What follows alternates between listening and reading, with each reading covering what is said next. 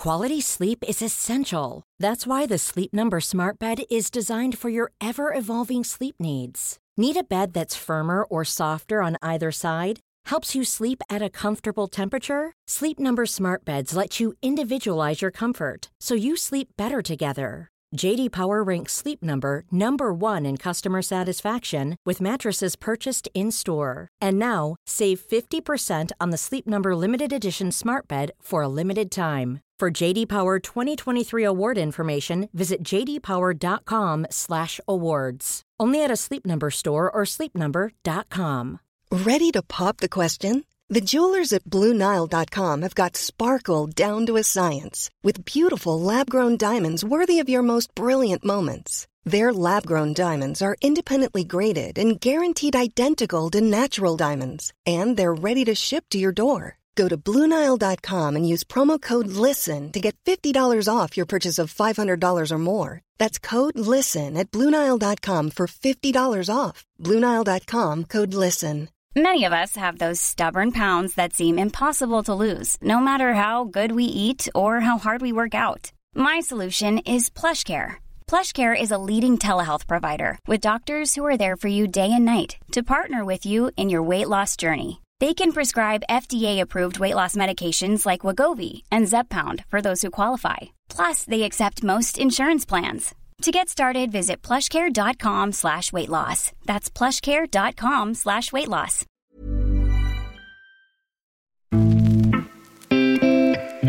Högsta önskan är att Malmö vill ha tillbaka mig om ett, vad ska man säga, sju, åtta år eller den dagen det är dags att vända hem och då hoppas jag att Malmö vill ha tillbaka mig. Då kommer jag vara världens lyckligaste.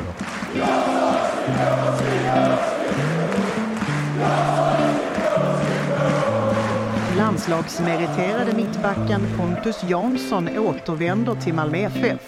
Arlövsbördige Jansson har skrivit på ett kontrakt till 2027. Malmösupportrarna har drömt om att få se Pontus Jansson i den himmelsblå tröjan igen och Jansson, han har själv varit tydlig med att han en dag ska spela i sin hjärtas klubb igen. I april blev det så klart att mittbacken vänder hem till MFF från Premier League nu i sommar. I den här extra podden inför sista omgången i Premier League där Pontus Jansson ska ta avsked av Brentford på hemmaarenan så berättar mittbacken att han var överens med den engelska klubben om en fortsättning så sent som i höstas och förklarar varför han senare istället valde att skriva på för Malmö FF. Jag har alltid sagt under, under årens gång att så länge Malmö inte behöver mig, så länge Malmö går bra så, så finns det ingen anledning för mig att flytta hem. Men i höstas var det ganska, ganska plågsamt faktiskt att se, att se MFF och då kände jag väl att eh, är det någon gång de behöver mig, någon gång det är rätt läge och timing så, så är det nu. Vi pratar om hur bra han trivs i Brentford under de här åren men varför han under den senaste tiden haft skadeproblem som gjort att han något ovant fått tillbringa en stor del av säsongen vid sidan av planen. Jag tror jag under de här åren, fyra åren jag haft i Brentford där jag varit kapten, jag tror att jag kanske haft en eller två skador för mycket på grund av, av alla de här anledningarna med att vara kapten, med att pusha de andra, med att ha ett öga på alla de andra, med att vara först in varje dag, lämna sist, träna hårdast och jag tror att min kropp kanske inte har klarat av det på det sättet. Och så talar vi om beslutet att sluta i det svenska landslaget och varför han inte ångrar sig. Och där beslutet växte fram när han blev fjärde val på mittbacksidan under EM 2021. Alltså jag kände ju där under EM att på något sätt jag kom längre och längre ifrån för varje dag och varje träning som gick och jag kände att jag blev en sämre och sämre människa. Under mina tidigare år i landslaget kände jag alltid att jag pushade de andra, jag var alltid redo, jag var alltid beredd. Jag gladdes nästan när Ganen och Vigge och sådär då var före mig gjorde det bra. Men under där EM 2021, när jag precis hade gått upp i Premier League, det var så mycket känslospel i mitt huvud. Jag kände för varje dag som gick under den samlingen där i Göteborg så, så blev jag sämre och sämre, sämre och sämre på det jag hade gjort så bra under mina tidigare 7-8 år i landslaget. Podden är som vanligt mycket mer än det här. Vi pratar om konkurrenssituationen i Malmö FF, synen på lagkaptensbinden och varför Henrik Rydström är bästa tränaren i Sverige. Vi talar om vad som gjort Brentford framgångsrikt, vilka kunskaper Jansson tar med sig hem och revanschkänslan i att klubbvalet blev en succé. Och så pratar vi om miljonerna han avstår när han vänder hem till MFF och vilka landslagsspelare han hoppas kunna övertala att följa med honom hem.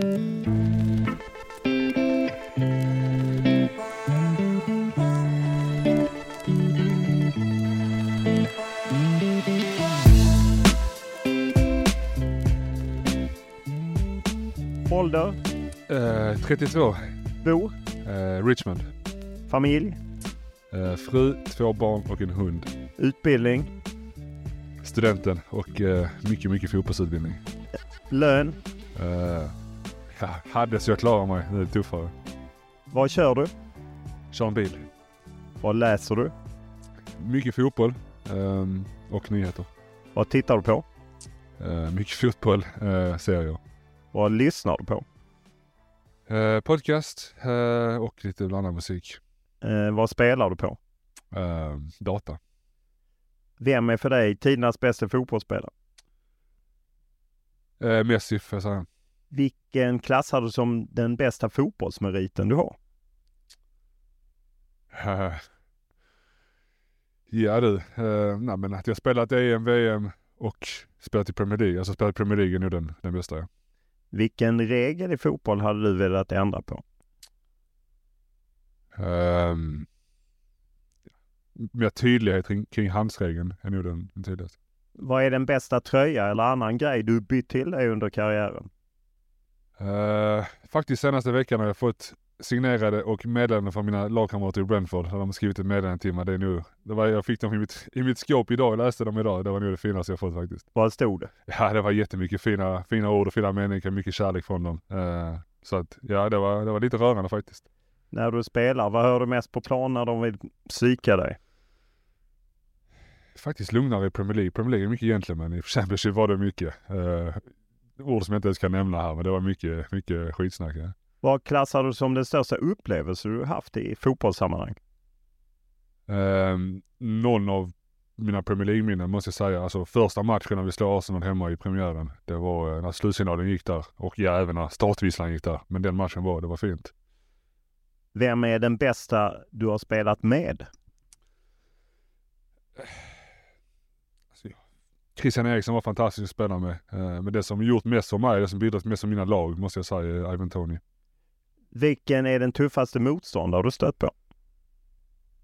Ja, Ronaldo när han var som bäst i sin prime med, med, Sverige mot Portugal. Um, Messi har jag aldrig mött, så det är väl de två. Så jag får säga Ronaldo då.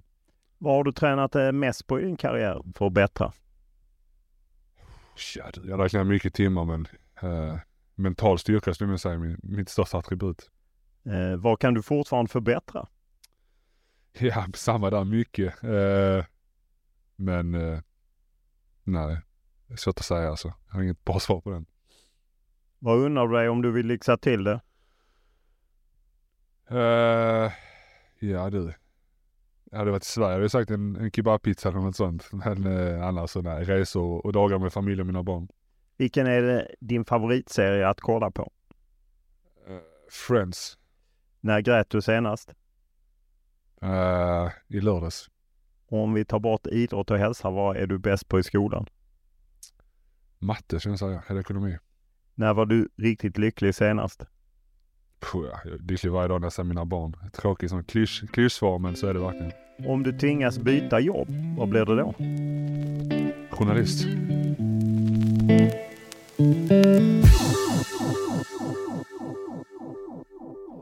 Du är ju eh, klar för eh, Malmö FF och ska ju ansluta. Vet du exakt när du kommer ansluta? Uh, nej, jag känner för det. nej, men typ i början av juli. Något exakt datum tror jag inte vi har satt riktigt ännu, men första juli kommer vi in i Sverige uh, och sen, ja, från och med den dagen är Malmöspelare så är det upp till dem att bestämma när, när första träningen sker. Är det viktigt att det är första juli du återkommer till Sverige med tanke på skatten själv? ja, men det är också så det är. Vi åker, vi har planerat hemkomsten den första juli. Um, och uh, efter det är jag Malmöspelare och fram tills dess är jag Brentford-spelare. Så av respekt för, för, för kontrakten har vi, har vi valt att göra så. Hur uh, svårt var det att ta det här beslutet? Det var otroligt svårt. Uh, mycket känslor involverat. mycket fram och tillbaka. men när jag väl bestämde mig så gick det ganska snabbt. Så då var det inte så svårt ska jag säga. Men fram till att jag fattade beslutet så var det mycket känslor involverat. Vad var det som avgjorde?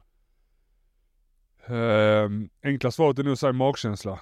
Eh, jag har under min karriärs gång alltid gått på magkänsla, mer eller mindre. Jag har alltid haft rådgivare, agenter, familj, vänner vid min sida som har försökt vägleda mig. Men i slutändan har det alltid varit mina egna beslut. Eh, och jag har alltid sagt att än så länge, 32 år gammal, har den alltid, alltid varit rätt och slått rätt och tagit mig dit där jag är idag. Och förhoppningsvis är den här magkänslan det som är rätt även denna gången nu när jag väljer att flytta hem till Malmö. Eh, men så känns det verkligen. Vilka diskussioner har du haft med Brentford? Ja, men så sent som i, eh, i oktober, eh, precis innan min skada, då kom jag, då hade jag spelat 50 matcher i rad utan skada, allt flöt på och det var ju snacket och vi var ju överens mer eller mindre att, att så fort du är tillbaka nu så, så, så alltså signerade så är det klart för, för två nya år. Men eh, under skadans gång så hände saker och ting. Man började reflektera över livet, reflektera över andra saker, över fotbollen. Man fick mer tid. Man får, när man är inne i den bubblan, den zonen, man spelar hela tiden så kommer det nya träningar, nya matcher. Man hinner inte riktigt tänka och zooma ut. Um, under VM träffade jag mycket folk på hemmaplan i Malmö då med allt från styrelse och, och Danne och Geir och alla. Och sen återigen tillbaka till det där med magkänslan. Då kändes det att det är nog läge nu. För jag har alltid sagt under, under årens gång att så länge Malmö inte behöver mig, så länge Malmö går bra så, så finns det ingen anledning för mig att flytta hem. Men i höstas var det ganska, ganska plågsamt faktiskt att se, att se MFF och då kände jag väl att eh, är det någon gång de behöver mig, någon gång det är rätt läge och timing så, så är det nu. Ja, för när jag intervjuade dig våren 2021 sa du att ja, jag är på för hög nivå för att vända hem. Eh, nu är det två år och du är på något sätt på en hög. Då var ni i Championship mm. inte klara Premier League. Nu lämnar du, även om du har varit skadad eh, mycket sista halvåret, så är det ju ändå så att du är lagkapten i ett Premier League-lag som ja, går bra. Mm. Ja, nej. Alltså, jag vet ju att det är något fint, eller något otroligt stort som jag lämnar åt sidan, men det är ju som jag har sagt, det är inget dåligt och inga, inget, inget dåligt som jag flyttar hem till. Alltså det är mitt lag, mitt, mitt hjärtas förening, eh, att få spela Malmö FF igen och få göra det i en bra ålder, vilket jag också har alltid sagt. Eh, så att eh, Ja, det är såklart att det har varit en otrolig resa, otroliga år här och det kommer att bli, framförallt nu när det bara är en vecka kvar, nu blir det mer och mer känslosamt för varje dag ju. Eh, att man börjar fatta vad man har, vad man har gjort, vad man ska göra eh, och lämna detta här. Det är såklart väldigt sorgligt men eh, som jag sa, det är något väldigt fint att flytta hem till också. Ja, hur har reaktionerna varit i Brent, Brentford att du lämnar dem? Det är väl många gissar som kanske inte kan förstå att man flyttar hem till, till allsvenskan från Premier League. Jo, alltså det har hela tiden legat och bubblat. Folk har ju fattat i min omgivning att desto längre tiden gick att saker och ting inte kom ut att jag hade förlängt så fattade de att det fanns en chans att jag skulle flytta hem. Uh, och jag bestämde mig som, jag, som jag sa ganska tidigt, men höll det inombords. Och de som känner mig väl vet att jag inte är en bra person när jag måste hålla hemligheter och när jag måste vara tyst och inte kan vara ärlig. Så de månader från, ja, från, från att jag bestämde mig i december tills jag nu i april när vi gick ut med det var ganska, ganska jobbigt faktiskt. Uh, Hur många har vetat om det? Ja, till en början var det inte många alls. Till en början var det ju bara typ styrelsen, Danne Georgsson, jag och min familj och så ja, några på min sida då, men inte mer än. Och Malmö gjorde ett jättejobb att hålla det hemligt. Um, vilket var min önskan såklart. För att min förhoppning var att när jag kom tillbaka där efter VM skulle jag spela och sen ha fokus på Brentford och sen till sommaren då fokus på Malmö. Um, Sen hände saker och ting på vägen och sen, eh, men Malmö gjorde det jättebra, de höll det tyst. Vad hände på vägen? Nej men alltså att jag, jag kom tillbaka, sen så fick jag den här olyckliga skadan igen och då kände jag att ska jag hitta motivation och ska jag och att ta mig in i den bubblan och bara köra igen. För när jag väl, även när jag skadar mig när jag är frisk också, det är alltid 100% för mig att investera allt jag har. Ska jag kunna göra det en gång till nu efter en ny skada så måste jag typ så veta och vara ärlig med vad som, vad som ska hända. Och kunna involvera Malmö mer och ha dem med på, på det hela. Eh, och då var det, då sa jag till, till Phil och till Thomas och Frank, vår tränare, att eh, hur det var att jag hade bestämt mig för att flytta hem. Eh, och sen så gick det ganska snabbt att vi gick ut med det. Eh, vad betyder Henrik Rydström, som jag ju vet du i perioder haft mycket kontakt med? Den såklart att det vägde in. Jag är en jättestor fan av, av Henke, bara från att se honom från utsidan. Jag har följt honom redan från Sirius men främst i Kalmar och av diverse olika anledningar. Han var tränare för en av mina barndomsvänner eh, i Kalmar och hade en nära dialog med honom. Eh, och försökte hjälpa Elias Olsson som han heter genom Henke. Eller Henke hjälpte, eller Henke tog hjälp av mig för att pusha Elias. Eh, och så har vi haft dialog sedan dess. Följt honom, eh, följt honom och hans lag genom Matthew och ägares eh, statistik och siffror och sett hur de har höjt sig under de två åren med Henke. Um, så att har följt Henke under, under, under årens gång. Och såklart när då Malmö behövde en ny tränare och om man letar så, så för mig var Henke den bästa i Sverige och var för mig no-brainer att ta som jag också har sagt utåt. Vad, vad har han sagt när ni har haft eh, kontakt eh, under den här tiden? Nej men jag tror först och främst att han blev glad när jag hade bestämt mig ju. Um, och sen så, så vet du, det, när jag väl hade bestämt mig då var det full fokus för mig igen och börjat avsluta fint med Brentford in i den bubblan. Han gick in i sin och sen så har vi såklart, har också nu en dialog löpande och så här, nu kommer vi närmare och närmare också. Det är klart att den dialogen blir mer och mer men eh, det har varit mer typ, ja, vi har varit glada att vi ska få jobba ihop men sen så har han haft fokus på sitt och jag på mitt. Eh, och inte mycket mer så. När jag intervjuade honom i min podcast så hoppades han att du skulle ordna något samtal med Marcelo Bielsa. Han ville bli inspirerad. Vad, vad talar för att du ordnar det? Ja, jag brukar vara en kille som kan fixa det mesta, men den är nog, eh, den får jag nog kriga för att försöka lösa. Uh, men uh, den, jag ska göra mitt bästa. Vad säger du om Malmö FFs framfart? Ja, jag kan ju såklart luta mig tillbaka och njuta av att jag har sagt att Henke är den bästa. Sen nu har han börjat med 8 av 8 och ser jättefint ut, jättebra ut. Så att, eh, nej, jag är full av beundran. Eh, och det är inte såklart bara Henkes förtjänst. Det är hela, tycker hela föreningen från fansen till, till styrelsen, till den sportsliga ledningen, till hela truppen, staben, hur de har fått rätt på allting igen. Eh, är otroligt kul efter ett, en tung höst i fjol. Ja, finns det någon fördel i att man dippar lite och att man startar om? Eller är det bara depp att det var så dåligt? Det är såklart det var tråkigt, men jag tror det blev en, en wake-up call för nästan alla inblandade. Eh, på alla plan, inte bara på plan utan även utanför. Att, eh, att även fast du har mest pengar på banken så måste man hela tiden fatta rätt beslut. Ehm, och jag tycker förra året, framförallt från hösten, var mycket som inte stämde. Främst på planen men även utanför tyckte jag var mycket oroligheter och frågetecken. Men det sjuka är att nästan allting har rättats ut under de senaste, egentligen från start, sen, sen man fattade beslutet att anställa Henke till man gjorde omjusteringen med Danne och Miersson och allt sånt här. Det känns som att man har fått rätt på alla saker nästan från, från, från dag ett. Uh, och sen såklart, att ha åtta av åtta i Allsvenskan, det gör såklart allting mycket lättare.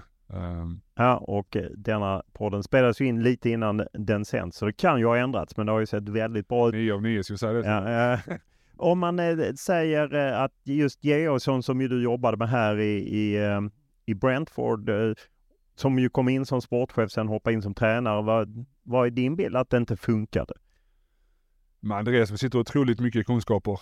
en av de skarpaste fotbollshjärnorna jag har träffat och pratat med. Um, så, som jag sa till dig precis innan, att, att vara sportchef är ibland en, en helt annan sak. Um, inte alla som är skapta för, för, för det jobbet. Um, och som jag sa, det är svårt för mig att analysera Andreas hur han var i det jobbet för att jag såg honom aldrig i den vardagliga biten. Men uh, det känns som att man nu har hittat en roll för honom som passar honom mycket bättre. Uh, och såklart, det fanns ju en anledning varför han fick det jobbet för att Malmö gjorde allt de kunde för att få in honom i verksamheten på grund av den han är och på grund av de kunskaperna han besitter. Uh, så jag är glad att man har hittat en roll som passar honom bra.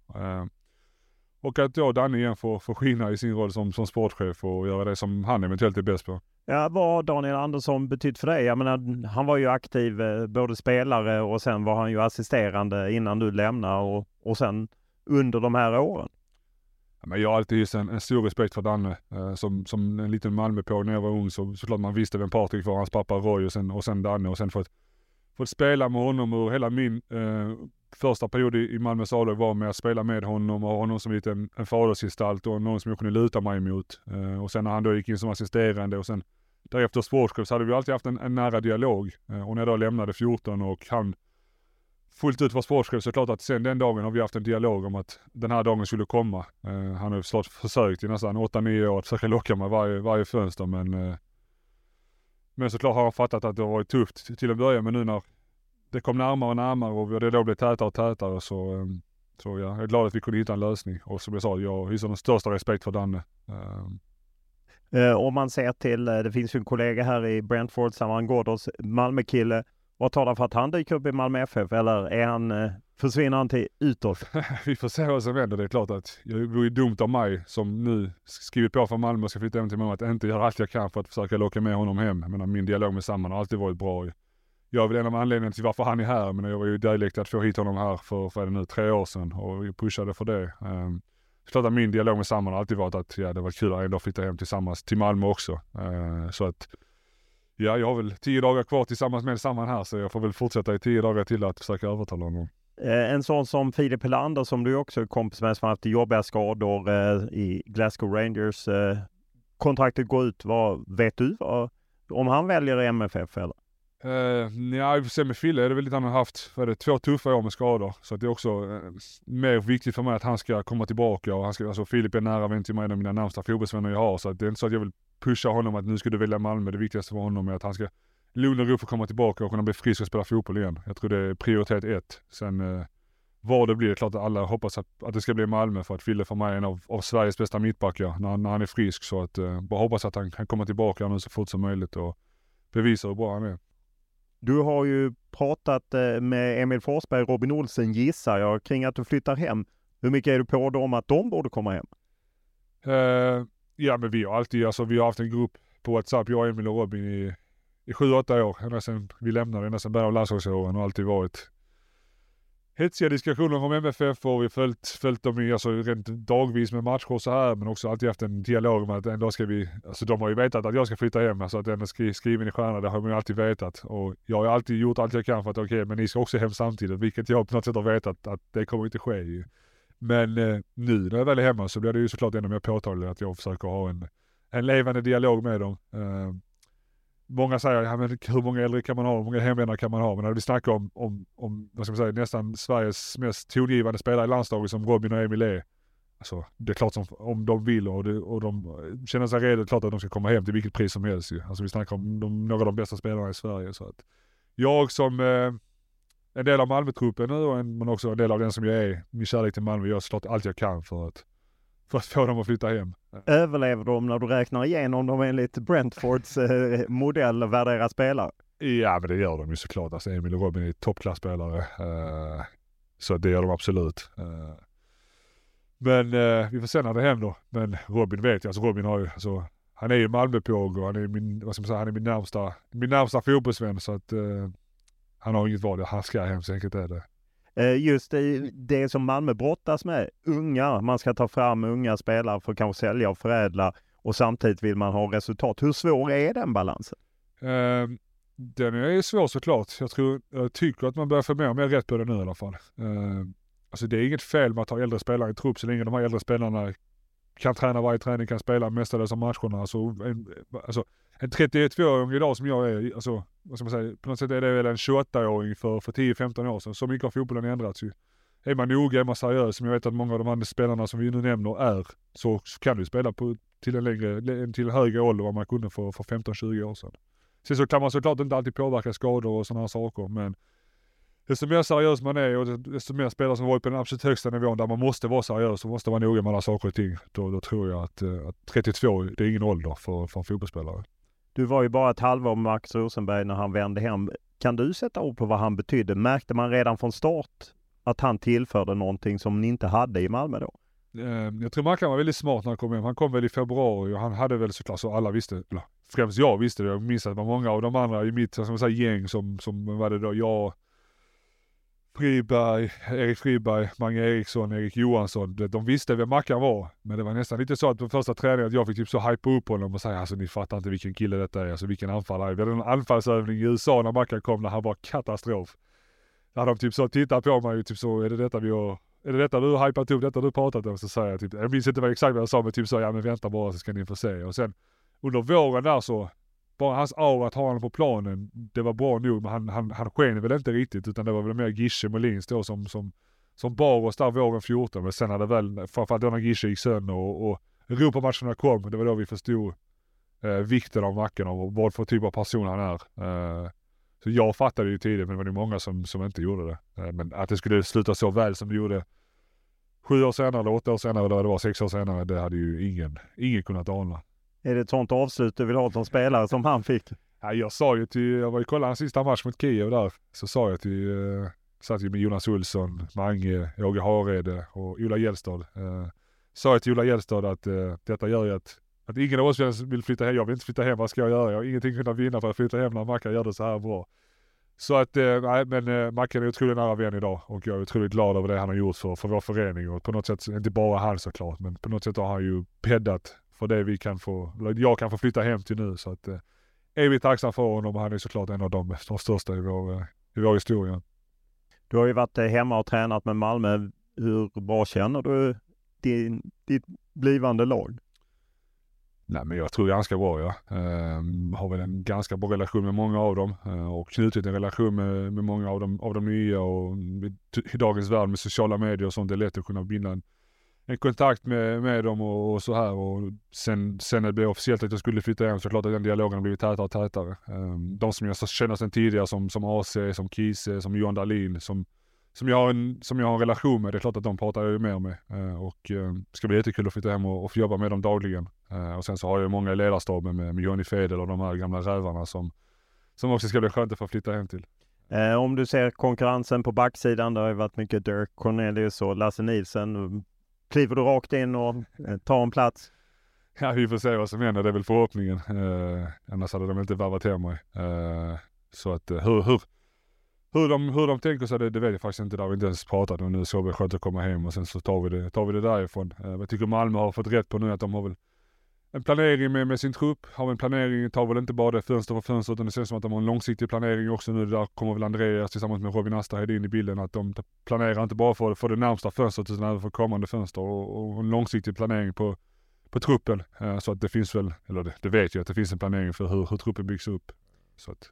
Eh, om man eh, ser just på eh, liksom konkurrensen och, och just den delen. Hur, det är ju kul att komma hem men samtidigt ska man knuffa på några. Hur, hur är det? Eller är det bara en del av verkligheten? Ja, det tror jag nog att det är. Alltså, så funkar fotbollen ju. Alltså, så, så är det i alla lag, i alla, så, så, så är det bara. Um, men den som presterar bäst är den som spelar ju. Alltså, så funkar det. Uh, alltså, det, är inte så jag, eh, det är inte så att jag kommer hem utan några krav på mig. Alltså, det är ju skyhöga krav från, från allt och alla såklart. Uh, men så, så funkar det. Alltså, man, man har såklart alltid respekt mot allt och alla mot sina lagkamrater. Man vill sitt lags bästa, det är det viktigaste. Men i slutändan är det de elva bästa som, som ska spela. Eh, om man ser till spelidén, du följer ju Malmö FF noga så du har ju järnkoll givetvis. Vad, vad, tycker du att Rydström har lyckats med? Jag tycker att han är eh, ganska unik i sitt, i sitt sätt. Han är väldigt ambitiös. Han eh, väldigt tydlig med vad han vill. Han är väldigt drivande, långa träningar. Jag känner lite stryk av, av Bielsa-andan. Jag vet ju att han ser upp till Bielsa och honom som någon form av, ska man säga, förebild som han, som han, som han gillar att se efter. Um, som jag sa, väldigt ambitiös och en tydlig struktur i han vill spela anfallsspel, tydlig struktur han vill försvara. Någonting som jag kan, som att jag följt Allsvenskan i, i 8-9 år sedan jag lämnade, tycker att det blir mindre och mindre av de här sakerna i svensk fotboll. Att det blir mindre och mindre struktur, mindre och mindre tydlighet. Uh, och där tror jag att jag tycker att Henke är väldigt unik. Um, och som jag sa, jag håller honom som den bästa tränaren i Sverige och då nu få jobba med, enligt mig, Sveriges bästa trupp, det, det är nästan som match made in heaven ju. Än så länge så har det ju, har det ju funkat bra ju. Eh, en diskussion som lär dyka upp är ju att du är lagkapten i Premier League, du kommer hem, det eh, finns annan kapten där. Hur, eh, hur ser du på det att få binden? Uh, hur jag ser på det? Jag vet faktiskt inte om jag ska vara ärlig. Alltså AC vår kapten. Ja, jag säger vår kapten för att han har varit vår kapten under tiden jag sett mig som, som supporter och tills att någonting an annat sker så är, han, så är han min kapten också. Hur viktigt vore det för dig ändå att bli kapten? Alltså en dag innan jag lägger av så ska jag vara, vara Malmös kapten. Det är såklart någonting som jag önskat och så att det gäller väl bara för mig att sluta en dag efter AC i så fall om han inte lämnar. Alltså min högsta önskan är att AC stannar i Malmö så länge som möjligt och uh, Ja, typ så. Men en dag, då får han sluta en, en halv säsong innan mig så att jag kan ha en halv säsong som kapten i alla fall.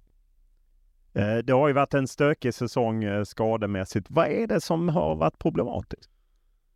Um, jag tror att denna säsongen har tagit ut sin rätt över de här, vad ska man säga, tre, fyra, fem åren jag har haft. Um, nästan, nästan, nästan, nästan sedan sju, sju senaste åren sedan jag kom till Leeds.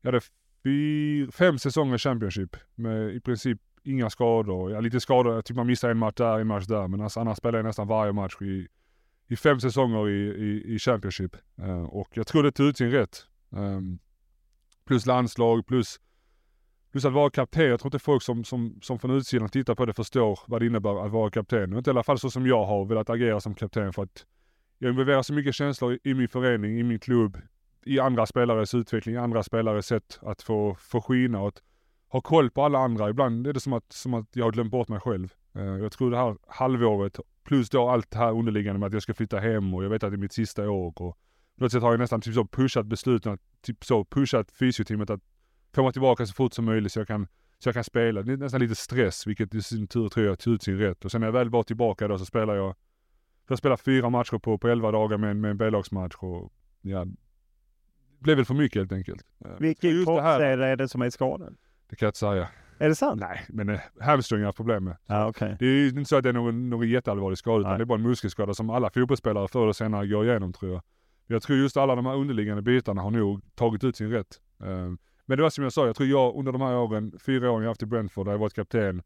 Jag tror att jag kanske haft en eller två skador för mycket på grund av, av alla de här anledningarna med att vara kapten, med att pusha de andra, med att ta ett öga på alla de andra, med att vara först in varje dag, lämna sist, träna hårdast och jag tror att min kropp kanske inte har klarat av det på det sättet. Ja. Nej, när jag intervjuade dig eh, våren 2021 så pratade du ju själv om just tiden i Leeds. Du hade spel, kunde inte vila för då hade Bielsa petat dig mycket smärtstillande för att kunna spela. Hur, hur mycket har det varit därefter? Ja, men det, nu är det faktiskt, det har varit mycket bättre för här har det varit funnits en dialog med, alltså, med, med dels Thomas men också med Thomas Frank tränar. Frank men även med Chris Haslam och physio, uh, Head of Physio och alla de här. Så nej, det har varit mycket bättre. Alltså, jag har inte haft några typ så småskaligt ont här och där utan det har varit, jag har haft två muskelskador de här sista, sista halvåret. Eller ja, från oktober då i, i fjol uh, till, tills nu. Um, men det som jag sa, jag, jag, jag hade inte hellre kommit hit och inte varit kapten, bara kommit hit och haft fokus på mig själv och, och typ så personligt skina jag tar det hellre som det har varit nu, att jag har kommit hit, varit kapten, hjälpt klubben. Då tar jag hellre att jag har haft de här två skadorna. Men... Hur jobbigt har det varit att sitta vid sidan? Alltså otroligt jobbigt. Framförallt man har missat, framförallt när jag vet att okej okay, det här är min sista säsong och får missat alla de här minnena med att slå, slå City borta, slå Chelsea borta och vissa av hemmamatcherna vi har gjort, Liverpool hemma. du vet. sådana minnen som man man är där, du vet, man, är, man står vid sidan och väntar på att gamla ska komma ut från planen in i omklädningsrummet men man, man känner inte hundraprocentig glädje för att man är inte där, man har inte varit en del av det. Uh, så klart jag är glad att jag i fjol fick spela 37 och 38 matcher och fick jättemånga fina minnen och stod många av topplagen. Och på något sätt så vet jag ju hur de kände för att jag kände samma förra året men Alltså så, så funkar man som fotbollsspelare tror jag. Att man, man, man får inte den här hundraprocentiga glädjen om man inte är en del av det, om man inte spelar själv. Även om man sitter på bänken så är det samma där tror jag. Uh, nu träffas ju vi i slutet på maj. Hur nära spel är du? Alltså jag personligen känner att jag hade kunnat spela match redan imorgon om det behövts ju. Men nu finns det ingenting att stressa till ju. Så att nu har vi lagt upp med en lite längre plan. Brentford tillsammans med, med Malmö då. Um, att, för att du ska vara helt...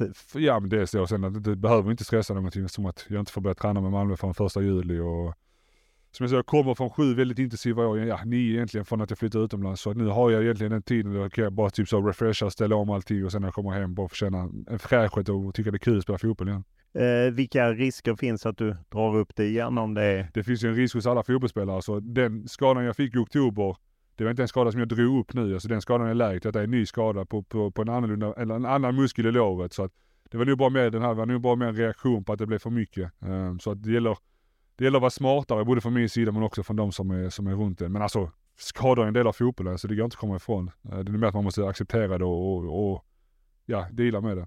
Eh, jag lyssnade igenom den intervju jag gjorde våren 2021 eh, med dig när du hade lite skadeproblem och inte var med i, i mars när VM-kvalet drog igång och du var redan där tydlig med att jag vet inte hur det blir med landslaget. Jag är väldigt mentalt trött. Man får se det ta.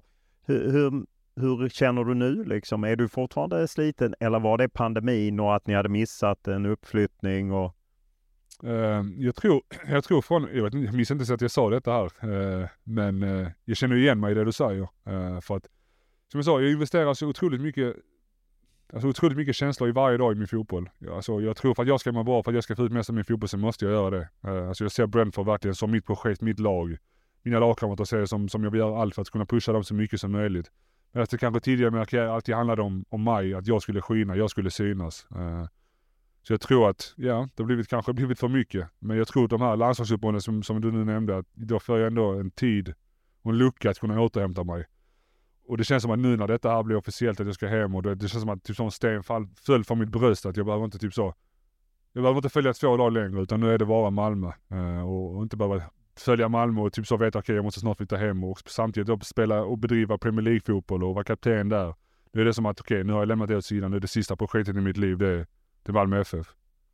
Uh, eh, du har ju först haft Marcelo Bielsa och sedan Thomas Frank. Hur skiljer de sig åt? De har ju bägge haft framgångar får man ju säga, tagit upp lag i, i Premier League och lyckats åtminstone till en början för i Bielsa och eh, Frank även två säsonger liksom in. Ja, men det är ju såklart skilda världar mellan dem. Ehm, så Thomas har väl under de här fyra åren jag varit med honom växt och eh, blivit en otroligt mycket bättre, vad ska man säga, taktisk fotbollstränare än vad han var för fyra år sedan jag träffade honom. Som som människokännare, som person och som med den dagliga typ så, relationen med sina spelare har Thomas alltid varit alltså topp.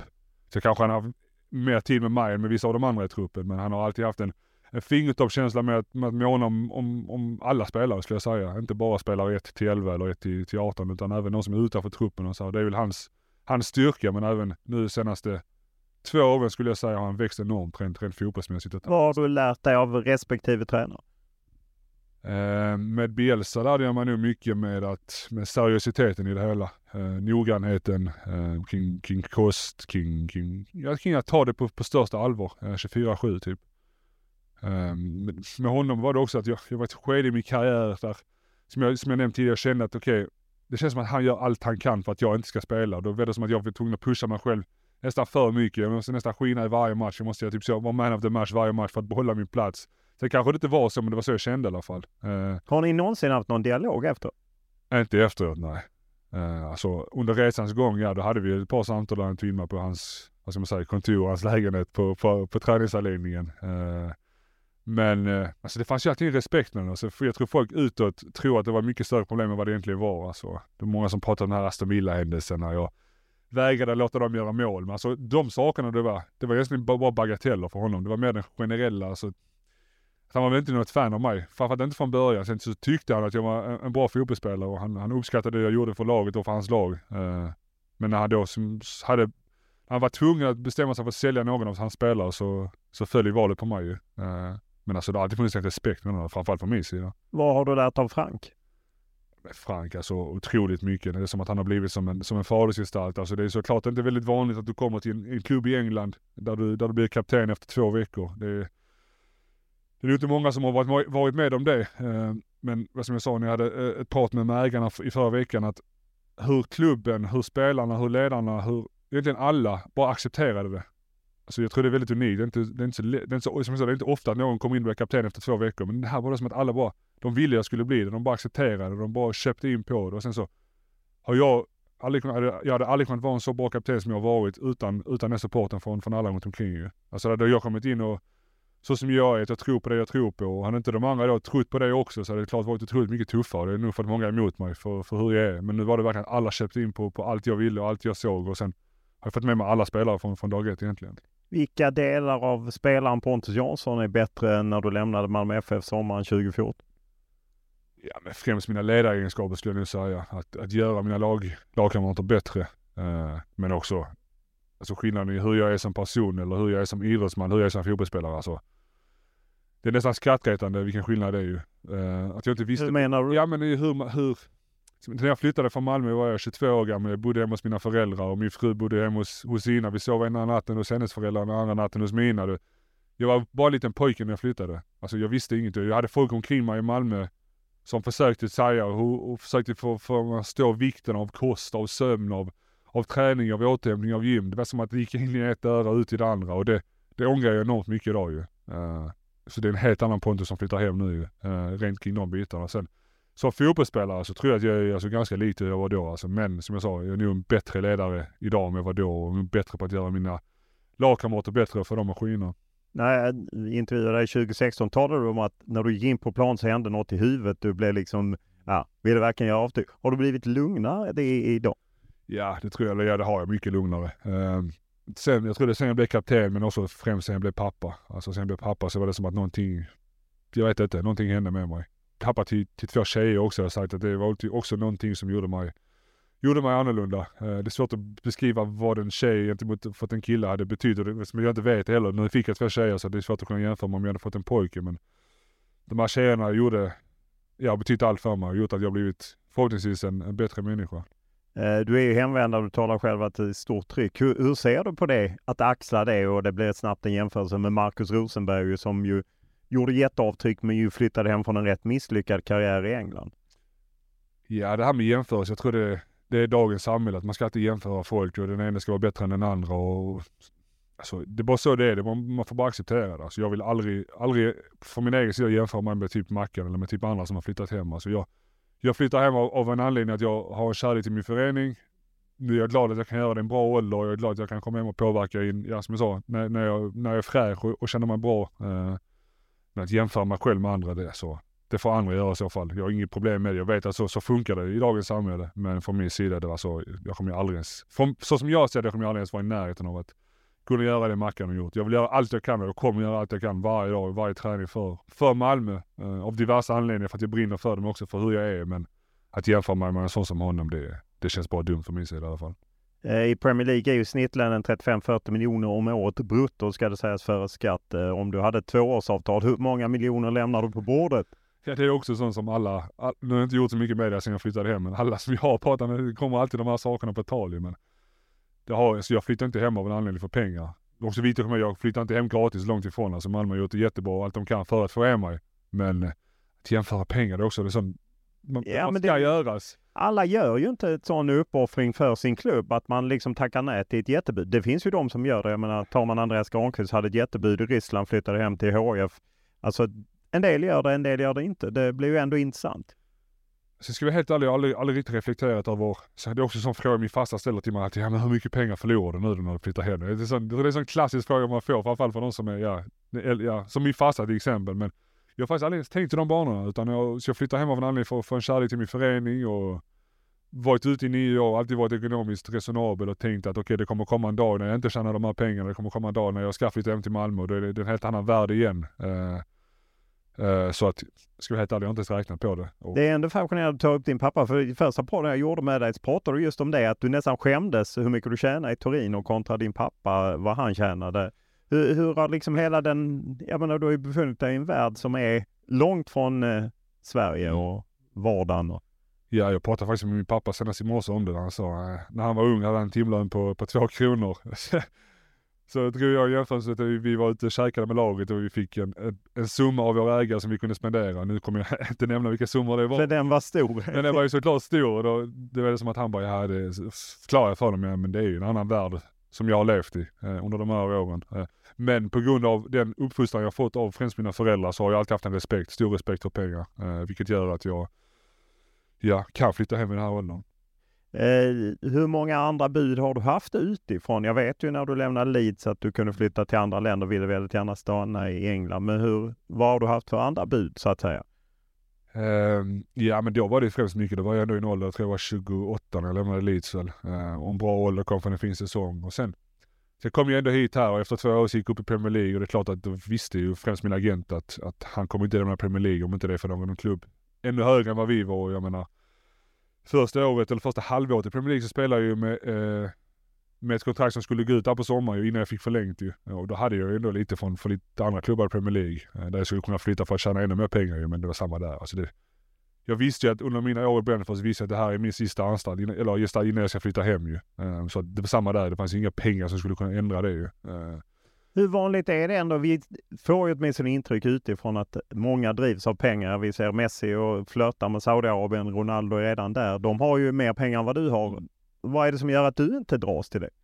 Alltså jag ska inte ljuga, jag har också haft stor vikt vid pengarna under en karriär. Alltså det är viktigt att som fotbollsspelare, du har chansen att tjäna pengar, du har chansen att kunna säkra det för dig själv, för dina barn och så. Det är klart att så, så tror jag alla tänker och det är inget fel med det tror jag. Så tror jag alla tänker i, i andra branscher också, att man vill göra det så bra som möjligt för sig själv och sin familj och så har jag också varit. Men Eh, Mackan sa till mig, och det, tog jag med, sa han till mig dagarna innan jag lämnade för Italien, så sa han du kommer inte bli lyckligare bara för att du har x mer miljoner på banken den dagen du flyttar hem. Utan var smart under de åren du är ute när du väl flyttar hem så känner du att okej det här är vad, vad jag kommer klara mig på, vad jag är nöjd med och det gör jag nu. Alltså jag känner mig att jag, jag behöver inte mer pengar. Eh, klart att jag skulle kanske bli lite lyckligare om jag haft ännu mer men alltså den lycka jag kommer få för att spela Malmö FF det, det är värt mer än alla de pengarna jag skulle kunna tjäna om jag hade fortsatt här. Så att, eh, det kan låta som klyschor, det kan låta som, eh, som är saker man säger bara för att göra andra nöjda och så här. Så, så resten, tänker säkert folk- folk när de hör detta nu men alltså jag flyttar hem av en anledning för den kärleken jag har till min förening och sen Ja, och sen är du ju å andra sidan ärlig med att du får betalt. Ja, Men just det är ju inte så att du, det är ju ingen välgörenhet. Nej exakt, nej och det är såklart det kommer folk också påpeka under resans gång att ja, han fick ju så mycket pengar och han hade aldrig flyttat hem annars. Och,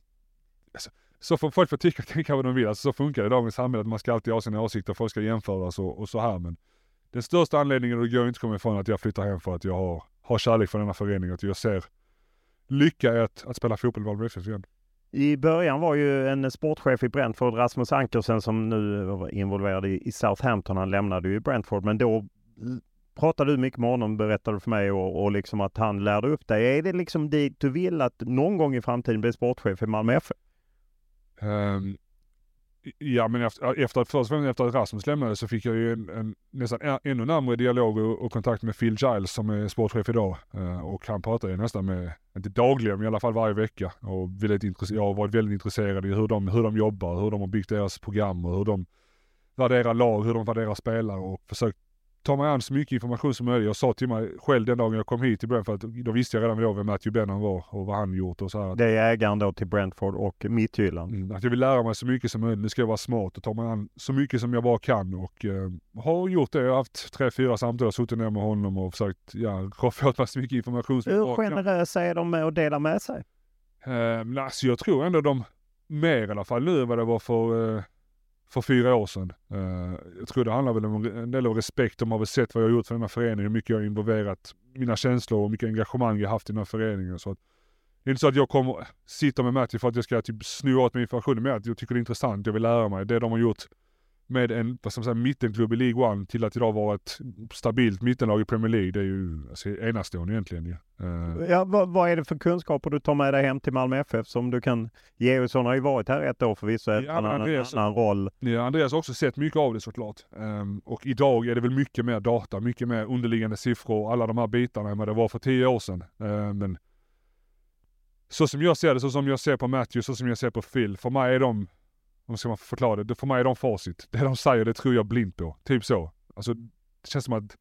De Hur är intresserade är Daniel Andersson och Andreas Georgsson av det? är väl, Dan är väl den som är längst ifrån det, eh, när jag ser det från utsidan. Sen tror jag att han, han är otroligt skarp. Jag tror Dan är sån som litar mer på sina ögon än på, på det han säger i siffror och så här. Och det var väl en av sakerna Matthew sa till mig de första åren att du ska aldrig lita på dina ögon, du ska alltid lita på det du ser i, i, i data och, och siffror. Eh, sen såklart så finns det alltså andra bitar av det också. Eh, Matthew vet ju, de har ju team, eh, ja det Thomas också involverad. De, där det inte bara är Matthew, där det inte bara är Phil, det är inte bara deras underliggande siffror som fattar besluten utan även det de ser med ögonen och, och allt hur de har byggt upp det. Men eh, alltså, så tror det är så otroligt intressant att få... Ja, för det går ju dels det sportsliga lyftet de har gjort, men de har ju också en förmåga att hitta spelare när de slår igenom säljer man, hittar nya fynd. Jag menar, Tony är väl ett exempel, det finns ju många fler.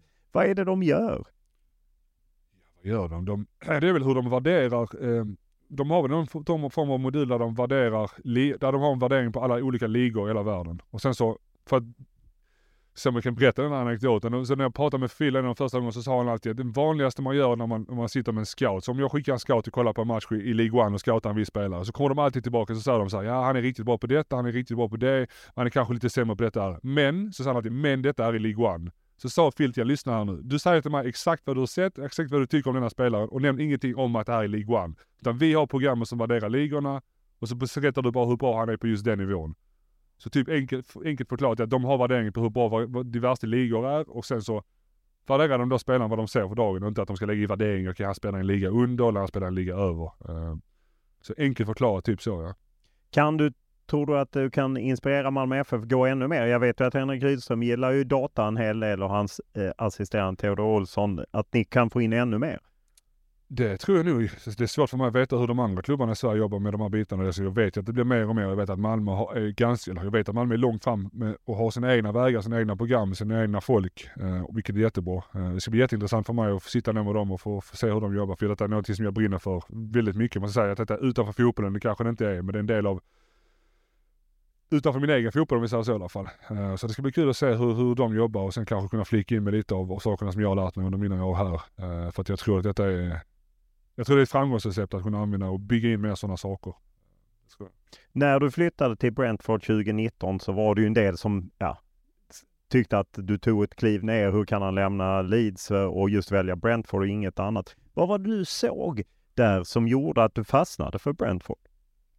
Så jag såg ju först och främst så sa jag ju till Andrea och till Victor, Andrea Radiciano, presidenten i Leeds och, och sportchefen Victor då att eh, för att jag ville ju inte flytta. Alltså det, jag har varit ärlig och sagt, jag ville ju stanna i Leeds. Jag trivdes i Leeds. Jag älskade att spela för Leeds. Alltså det var min, där och då min passion i livet. Eh, och när de då ringer och sa att de vill sälja mig så klart det, det var jobbigt att höra. Eh, och, och de, jag vet ju att deras främsta tanke var att tjäna, tjäna pengar. Jag kom från en fin säsong. Jag var som jag sa ändå en okej okay ålder. Eh, hade precis börjat spela med landslaget också. Det fanns väl ändå lite pengar för dem att hämta. De hade väl lite anbud från, från Spanien, från Ryssland, från Turkiet och så här. Eh, så, men jag var ju direkt sa att ska ni sälja mig så, så är det till något lag i England. Eh, och jag helst då Premier League. Eh, men där, just där och då fanns det inte, alltså det var rätt tidigt på fönstret, detta var i slutet av juni tror jag, innan saker och ting ens hade kommit igång. Och då fanns det inget intresse för någon av, av klubbarna i Premier League. och då sa jag bara typ till min agent Martin Dahlin då att ja men vad kan vi göra? För vi antingen så krigar jag på i Leeds, söker jag allt jag kan för att övertala dem och bevisa dem. Eh, eller så får vi kolla på, på andra lag i, i Championship. Eh, och eh, då gjorde han ju det, men han hade ju inte ens en aning, en hum om, om vad Brentford var, Martin. Okej, Martin visste, han kände ju som tur var Rasmus Ankersen sportchef, men han visste ju inte den potentialen som jag då såg fanns i Brentford. Så jag sa till honom, ja men om inte det finns... Men hur såg du den? Det jag hade ju mött, jag hade mött dem ju. Ja. Och tyckte det fanns otroligt många bra spelare och de var, många av de tre säsongerna jag hade var de ändå med en bit in innan de började fallera. Så det fanns ju något där. Men sen så var det väl att hitta den stabiliteten att kunna hålla ut över en hel, över en hel säsong. Um, och då sa jag till honom, men då får du ringa Brentford och se vad som händer. Och sen så gick det jäkligt snabbt ja. Uh, Fanns det något tvivel i att du ändå gick till en eh, klubb som inte, jag menar en mindre klubb som hade kommit underifrån, ingen av de stora klassiska? Alltså, jag visste ju inte heller att de hade, om man tittar tillbaka på det fönstret som de gjorde precis innan de tog mig med att de hämtade, tror mer eller mindre 6-7 av startspelarna i dagens elva, vilket är helt sjukt egentligen. Eh, och det visste jag inte då, jag visste knappt vem de var ju. Men det enda jag sa att den ena ogrundade rädslan hade varit att de skulle börja sälja ännu fler spelare. Uh, Neil Mopai har vi som ett exempel där jag kände direkt, okej, okay, mitt första samtal med Rasmus var att okej, okay, bra att det, att det är klart, kul att jag ska få komma, men snälla behåll nu alla spelare så ska vi göra en riktig chans att gå upp i Premier League. Två dagar senare så säljer de ju Neil till, till Brighton. Uh, så det var egentligen det som var min största rädsla, att de skulle tappa många av spelarna. Men det Fanns det någon revanschkänsla när ni gick upp till slut? Att liksom, där såg ni? Otrolig, ja, självklart alltså det var jättemånga, alltså, du sa att det var ett par, ett par personer, få personer som, som skrattade åt mitt beslut men det var ju nästan mer eller mindre alla som övertygade om att vad är, det, vad är det han gör? Typ han förstör sin karriär, han, han går ner i, i, i näringskedjan och alla de här sakerna och sen Första året då när Leeds går upp och inte vi, då var det ännu mer folk som skrattade åt henne. Hur jobbigt var det? Ja, det var väldigt tufft. Det är nog inte tufft att de gick upp utan mer det här att det var många som typ så skulle göra sig roliga på ens bekostnad och alla de här bitarna. Även i media, inte bara, alltså sociala medier är en sak, det är mycket troll där men även tyckte det var mycket även i folk som på något sätt gottade sig över det. Uh, Varför tror du det var folk som gottade sig? Jag tror jag är en sån person. Uh, jag har fått väldigt mycket kärlek de sista åren känns det som. Med, allt jag har gjort och mina prestationer och så vidare. Men jag, tidigare i min karriär och jag, någon, någon, även med landslaget så har varit, jag tror jag är en sån person. Antingen så är det mycket kärlek och mycket respekt eller så är det exakta omvända. Det finns inget mellanting med, med mig. Jag tror, så ser jag det i alla fall. Eh, om du ser att Leeds eh, fall, jag menar de gick upp före men eh, är på väg ut nu för andra året i rad slåss om får hänga eh, kvar och ja, när denna sänds kanske de är ute, det vet vi inte. Men hur, hur överraskad är du över att det har gått så? Uh, ska inte säga, alltså de var ju även där i fjol så att det fanns ju såklart en chans ju. Uh, men alltså så tufft är Premier League alltså. Jag pratade med, med, med så återigen tillbaka till Matthew, ägaren jag pratade med, han sa att till och med nästa år, det skulle till och med kunna vara så att Tottenham skulle kunna involvera i en nedflyttningsrisk. Så jämnt är det mellan lag 7 till, till 20. Det är så små marginaler. Har du en tuff säsong som Leicester nu till exempel som varit en, ja nästan topp 8-klubb i, i, flera säsonger i rad. Nu helt plötsligt så är de och, och kanske till och med kommer åka ur Premier League. Med de spelarna de har också, för mig är det helt, helt, helt osannolikt. Uh, så att så små marginaler är det och så tufft är det att, att spela Premier League. Så att, även om Brentford nästa år skulle hamna, bara hamna på, på plats 17 och hålla sig kvar så är det ju såklart en jättebedrift. Uh, så även ekonomiskt så mycket det betyder för klubbarna så, så är det inte så. Hur, hur sprider det sig i klubben bland spelarna? För även ni spelare påverkas ju stort om man åker ur så att säga. Ja, klart, men det är samma. Då kommer ju pengarna in i det hela igen med bonusar och allt sånt här. Mycket bonusar det är om man håller sig kvar och bonusar det är för vilken placering det hamnar på. Alltså det är ju en tändvätska för alla. Vi är också det väldigt smart att vi har en bonus även till, till staff, alltså de som är runt omkring oss, ledare och sånt. Så att det, det kan låta tråkigt att säga att pengarna är en så stor drivkraft men, men så är det verkligen och det är så enorma pengar som, som det handlar om för klubbarna att hålla sig kvar vilket gör att de då kan vara ganska ambitiösa och, och, och kunna betala ut bra bonusar för att hålla sig kvar. Är du förvånad ändå att eh, Radrizani som ju tog upp lite så gjorde en hel del rätt under din eh, resa där att han tar så många felbeslut sen?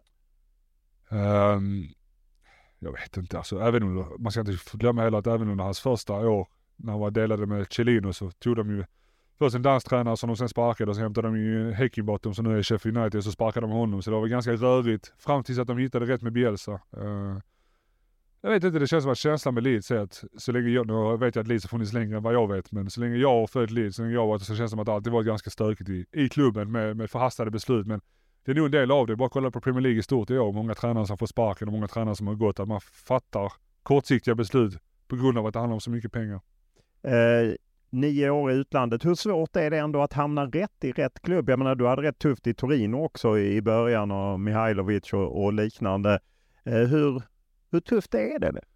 jag tror det är jättetufft. Jag tror det kommer bara bli tuffare och tuffare för varje år som går. Jag eh, hade träning idag på planen med en, med en spelare från Ukraina. Då pratade vi lite bara mer om rådande läge, främst i hans lag, eh, hans lag, främst i hans land, vilket är såklart otroligt sorgligt. Men även att det blir färre och färre branscher, eh, färre och färre eh, destinationer för spelare idag att tjäna pengar på. Som Ukraina har försvunnit, Ryssland har försvunnit och det blir tuffare att gå till Asien. Eh, så det blir väl tuffare och tuffare för varje år som går att kunna, kunna tjäna stora pengar och komma ut i Europa för, ja, för då allsvenska spelare eller svenska spelare.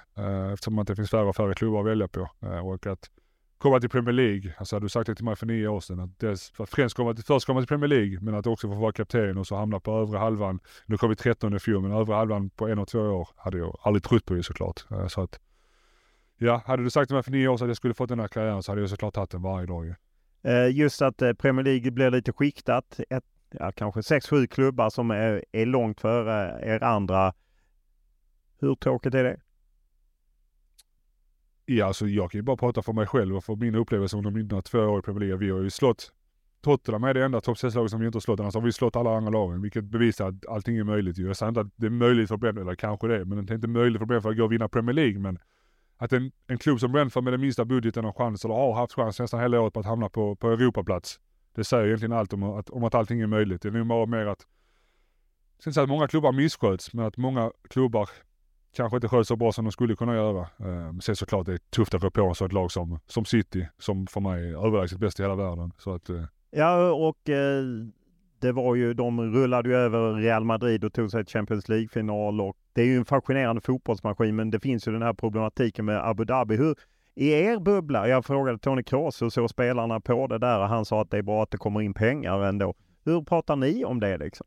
Och att de är anklagade för fusk i Premier League. Ja, de sakerna så lägger du nog inte som fotbollsspelare, framförallt inte när du är inne i den bubblan, värderingen. Alltså när vi är här på träningsanläggningen och vi kollar på City spelare och kollar på andra lag så pratar vi ju såklart om, om, om det som händer just på planen, de elva som är där och hur, hur, vilka resultat fotbollslaget gör. Uh, och det är väl främst det det handlar om ju. Uh, om jag bara kan få prata rent om City så jag är så, alltså det de gör jämfört med de andra lagen, de har de bästa tränarna, de har de bästa spelarna. Men de jobbar också otroligt hårt. Det får man inte, får man inte glömma. Så många av de andra lagen, ibland har mött United, de har mött eh, Chelsea, de har också otroliga spelare, otroliga lagbyggen men de jobbar inte lika hårt som, som City och som, som, som Liverpool, har jag sagt tidigare, så nu kanske Liverpool inte haft sin bästa säsong, men så, så som de gör, Arsenal är ett annat exempel, att man man måste alltid jobba hårt också, annars går det inte i slutändan. Eh, och det är väl det som gjort att vi kan stå de lagen som vi kanske inte ser är lika bra som, som typ, att vi kan komma före West Ham, Leicester som har otroligt mycket mer pengar än vad vi gör. Att vi kanske inte har bättre spelare än vad de har, men vi har en tydlig struktur och vi jobbar enormt hårt. Eh, och det, det är underskattat idag tror jag.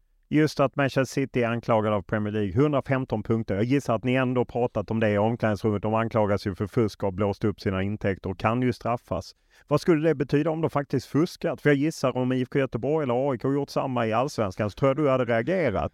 Jo men det är det och sen den generella bilden är väl antagligen att man, man ser det kommer breaking news på tv när vi sitter och äter att United då, eller City är anklagade för detta och detta men det är alltid, alla tänker sig ja ja men det kommer inte hända någonting. Så, så, så är nog den generella bilden att, att man har sett det här för men att ingenting händer sen. Uh, så att ja nu vet jag inte vad som kommer hända och ingen, tror jag ingen... Skulle det ändra bilden av dem?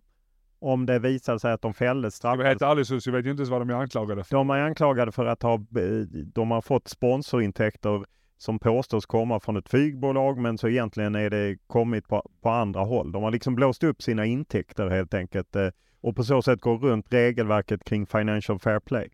Ja såklart det är så. Det finns ju ett regelverk, när ska man förhålla sig. Har de brutit med det så ska de såklart bli bestraffade. Men det är skitsvårt från utifrån sett och som spelare, som, som jag sa återigen, in i den bubblan, att lägga någon form av av värdering i det. Alltså det de gör på fotbollsplanen, de, när jag möter dem på planen, det är det jag tittar på, de spelarna som jag möter. Sen, såklart så finns ett regelverk att förhålla sig till och det, det, det borde såklart de då på FA eller vem det är som har koll på det, hålla, hålla ett öga på.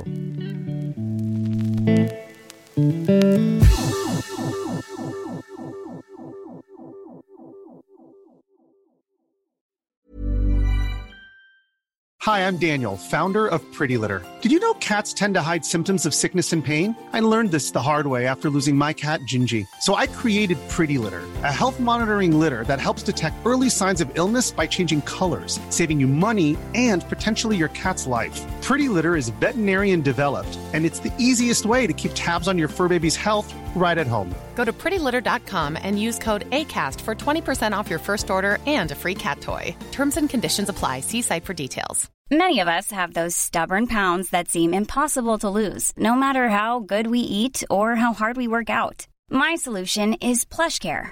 PlushCare is a leading telehealth provider with doctors who are there for you day and night to partner with you in your weight loss journey. They can prescribe FDA-approved weight loss medications like Wagovi and Zepbound for those who qualify. Plus, they accept most insurance plans. To get started, visit plushcare.com slash weight loss. That's plushcare.com slash weight loss. A lot can happen in three years, like a chatbot may be your new best friend. But what won't change? Needing health insurance. United Healthcare Tri Term Medical Plans, underwritten by Golden Rule Insurance Company, offer flexible, budget friendly coverage that lasts nearly three years in some states. Learn more at uh1.com.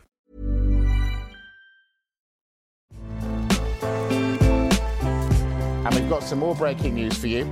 Ivan Tony has been suspended from all football and football related activity with immediate effect for eight months, which runs up to and including the 16th of January 2024. He's also been fined £50,000 and warned about his future conduct for breaches of the FA's betting rules. Ivan Tony's been found guilty of betting within football. En annan som straffades av FA var ju din lagkamrat Ivan Tony, nu avstängd åtta månader för att han har spelat på, på matcher. Hur, hur har det påverkat er som ju hängt över er under lång tid? Ja men exakt, jag med att det har funnits där och legat där som ett moln sen egentligen oktober, november när det väl kom ut första gången precis innan han kom i landslaget där och sen det är också en sån sak så, så frågar man typ tillbaka, så jag som kapten, det är mer att jag pratar den, den där rela, personliga relationen med honom, typ se hur han mår och se att allt är okej okay, och typ så lägga mer vikt på det än att jag sitter och frågar Ivan egentligen vad som har hänt och vad är du anklagad för och vad kommer hända och nu, nu fick han ju sin, äh, eh, sin dom här i förrgår, jag har inte träffat honom sen dess, så det var mer att jag igår kväll ringde honom och kollade läget så att allting är bra och så sen så de andra sakerna är samma där, jag, jag är knappt, eller jag ska helt ärligt, jag vet inte ens vad som har hänt och vad han är anklagad för. Eller jo det vet jag, jag läser så här ju men Mer än så vet jag inte. Och... Hur vanligt tror du det är i fotbollsvärlden att man spelar? Det tror jag är jättevanligt. Tror du det? Yes. Är det något du stöter på liksom eller?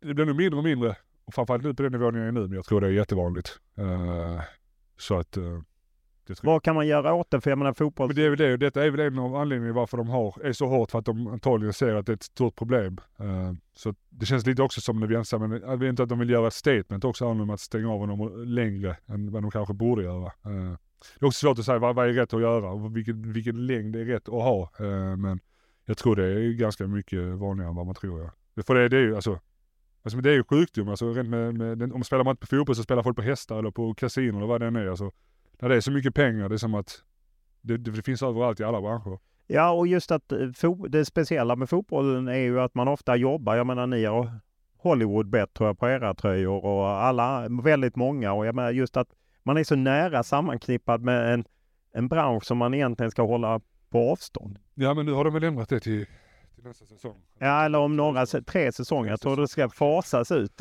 Pengarna kan inte försvinna direkt. Ja, exakt. Då har vi tagit ett första steg mot det. Uh, men uh, jag tror att detta är, det är ett samhällsproblem det också ju. Rent med, med ja, beroende av att tjäna pengar och spela och så vidare.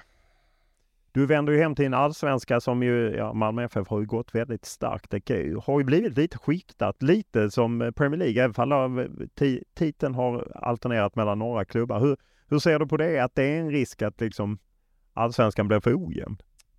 Mm, ja, alltså jag tyckte för två, tre, tre år sedan så var det som att det fanns en, en övre åtta och sen en undre åtta. Så en övre halva och en undre halva. Men jag tycker nu många av de lagen där som har haft tuffa säsonger och nu AIK så går mot en tuff säsong och AIK, Göteborg får inte det att stämma. Norrköping har fått lite bra resultat men prestationsmässigt kanske inte vara så bra heller. Så att, ja det är egentligen bara Malmö och Häcken i så fall i år som, som gör det tråkigt att springa ifrån de andra. Uh, så att jag, tror, jag tycker det är en viss charm med, med allsvenskan att nästan alla lag kan slå alla. Uh, så att det där med skikt och sånt det finns ju överallt ju. Så det finns i Premier League, det finns i Italien, det finns i Sverige. Så det är en del av fotbollen ju. Eh, du ska ju hem och spela på plastgräs. Eh, hur blir det att spela många fler matcher på, på konstgräs snarare än gräs? Ja, det är nio år sedan. Jag spelade på jag hade en, eller, en tävlingsmatch med Torino när vi mötte Helsingfors. Det var inte ens konstgräs, det var någon dörrmatta vi spelade på uppe i Finland i december. Så det räknas ju knappt. Men eh, Nej, jag fick faktiskt ett kul samtal. Mange Eriksson, Djurgården, ringde mig eh, dagarna efter det blev klart. Och så sa han, inte en till så nu ska jag komma hem och klaga på plastgräs. Eh, så sa jag till honom, nej det lovar jag, det ska jag inte göra. Eh, Det, det, Är du rädd för skador? En del får ju lite skadeproblem kring det. Nej, det, nej, det är jag inte. Det är jag inte. Det är mer att jag, alltså, fotboll spelas med naturgas och jag, det står jag för, det kan jag säga nu. Men sen när jag väl är hemma och spelar så kommer jag inte lägga någon vito, så det är bara att acceptera det och, och, och, och sen ta det därifrån.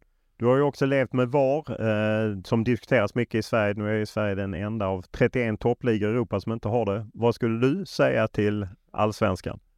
Eh, ja, det är en charm att inte ha det och jag tycker de två säsongerna jag nu har haft det så har jag inte haft något problem med det heller. Uh, Så man kan tydligen vänja är sig. det. Va? Så man kan Ja det kan man nog, det tror jag nog. Eh, jag har också alltid sagt att man ska kunna ta in delar av det, men det är också svårt. Alltså antingen får du ha det eller så får du inte ha det. Eh, men det finns många bra saker med det som Golden Line Technology och med offside-regler och sådär. Men jag förstår ju också varför den generella fotbolls, fotbollsmänniskorna i Sverige inte vill ha det. Eh, det gör jag. Du är ju speciell just med ditt tydliga supporterskap. Jag åkte ju på Malmö-matcher när du har varit ledig och liknande. Tror du det blir en utmaning nu när du plötsligt ska vara spelare och inte kan stå i, i klacken eh, på Europamatcher och liknande? Ja det tror jag nog. Det, när jag gjorde min första intervju med Malmö, nu när jag blev, blev klar så sa jag det att nu, jag har levt ett liv när jag var ung där jag var supporter och kunde resa och var, var den typen av människa till Malmö FF och sen så när jag då blev klar för akademin och började spela i A-laget sen också så fick jag ta en annan, då var jag fotbollsspelaren igen och sen när jag då lämnade var det som att jag kunde återgå till mitt gamla liv och supporta Malmö från utsidan och som jag säger kunna kunna värdera Malmö som en supporter, kunna se på Malmö som en supporter med, med supporterögon och utveckla mina känslor genom genom supporterord och sådana här saker. Men nu är jag ju tillbaka in i den här världen igen där jag är anställd av Malmö, jag är fotbollsspelaren i Malmö. Eh, men menar, det är bara att jag gör samma sak som jag gjort i Brentford, som jag gjort i Leeds, som jag gjort i Turin nu. Men jag gör det nu i Malmö också. Alltså jag har under mina år utomlands alltid haft en stor passion för de lagen jag spelat för och nästan sett mig som en supporter till de lagen också. Så att, eh, Kommer du lägga band på dig, jag tänker i intervjuer prata om bengaler och sånt, som kanske inte Malmö FF som arbetsgivare uppskattar? Jag tror jag var väldigt tydlig med att jag sa, för Malmö nu, om man ska säga att de mjölkar mig, att Malmö nu går ut och säger okej okay, han är hemma, han är en av oss, alla de här sakerna. Då måste de också kunna förlåta mig vara den, den jag är. Men jag har också under de här nio åren varit utomlands helt klart ändrat mig själv i hur jag hur jag pratar, hur jag värderar saker och mina värderingar är helt annorlunda nu än de var då. Så att jag tror det var ju mycket enklare människor. Hur Jag, skiljer de sig? Ja men då var jag en pojke som, som jag sa, inte hade sett världen. En pojke som var uppväxt på en läktare som sa vad han tyckte och tänkte och uppväxt med det mantrat att ja, jag kan säga vad jag vill. Och eh, jag har fortfarande kvar mycket av de bitarna men såklart som jag sa, nio år senare, nio år äldre, helt andra värderingar och ser saker och ting på helt andra, andra sätt. Och vet att när jag pratar så, framförallt inte när jag har kontakt med Malmö FF, vet jag inte bara pratar för mig själv utan jag pratar även för, för Malmö, min förening och jag måste göra det på, på, ett- på ett klokt och på ett resonabelt sätt. Så att eh, en annan Pontus är det ju. För det är ju bara ett par år sedan du samlade ihop landslagsspelare, ni skrev brev, villkorstrappan. Nu är villkorstrappan borta men på något sätt fortsätter de här synen på bengaler, pyro, lik- pyroteknik och liknande. Har du ändrat dig där? Nej, det tror jag med. Jag, jag tror att jag, gör- jag gör saker på ett klokare sätt nu än vad jag gjorde för, för, för nio år sedan. Jag tror att för nio år sedan, jag minns vi spelade en match mot Helsingborg, tror jag, på Olympia 2012 kanske, där vi efter matchen blev stoppade av styrelsen och som säger att ja, ni får inte gå fram till våra supportrar och tacka för de har bränt massa bengaler. Det ja, tjafs och stökigt och sånt. Jag var typ bara mer så, nej men flytta på er, vi ska gå dit ändå. Så tror jag att jag gick själv och så följde några andra med. Vilket där och då kändes typ så rätt för mig att göra. Jag gick min egen väg. Men nu idag så tror jag, hade det hänt så hade jag nog mer typ så kanske gått in där inne och resonerat med då styrelsen eller vem det var som sa till, till mig och till oss och sen kanske då hittat en bra lösning och sen kanske gått ut efter. Så att jag tror jag idag fattar väl kanske inte lika hastiska och drastiska beslut som jag gjorde då. Um, det är väl den största skillnaden tror jag. För jag not- eh, eller det var ju inte bara jag som reagerade. Du eh, var ju ute och pratade på något sätt. Det var inte så att du argumenterade för att man ska kunna använda våld, men du sa att det kunde ingå liksom i fotbollen efter de där bråken som Ja. var i, om det var augusti eller september förra året i, i en eh, intervju med Aftonbladet. Liksom, inga problem med uppstyrda slagsmål. Hur, hur ser du på det Ja, idag? men jag tror också när man det blir också svårt när man säger saker och ting i, alltså, hur ska man säga, i textformat. Alltså när någon tar mina ord. Och det kan bli en, alltså, en, en mening kan betyda en hel sak när någon skriver än, en, när jag säger det, hur jag menar det. Alltså, hur jag förklarar det är som att, alltså jag vet ju att de här, som eftersom jag själv har varit i den världen och uppväxt på en läktare så vet jag att de här sakerna finns. Och jag menar att jag förklarar det som att det finns ju större samhällsproblem än, än just att folk åker ut i skogen och, och, och slåss fem mot fem eller tio mot tio eller vad det än är det var, jag tror hela samtalet där och då började de det här med bangers och bengaler och alla de här sakerna. Men bangers är ett utmärkt exempel. Bangers är någonting som, som ingen vill ha. Inte ens de mest aktiva supportrarna vill ha bangers.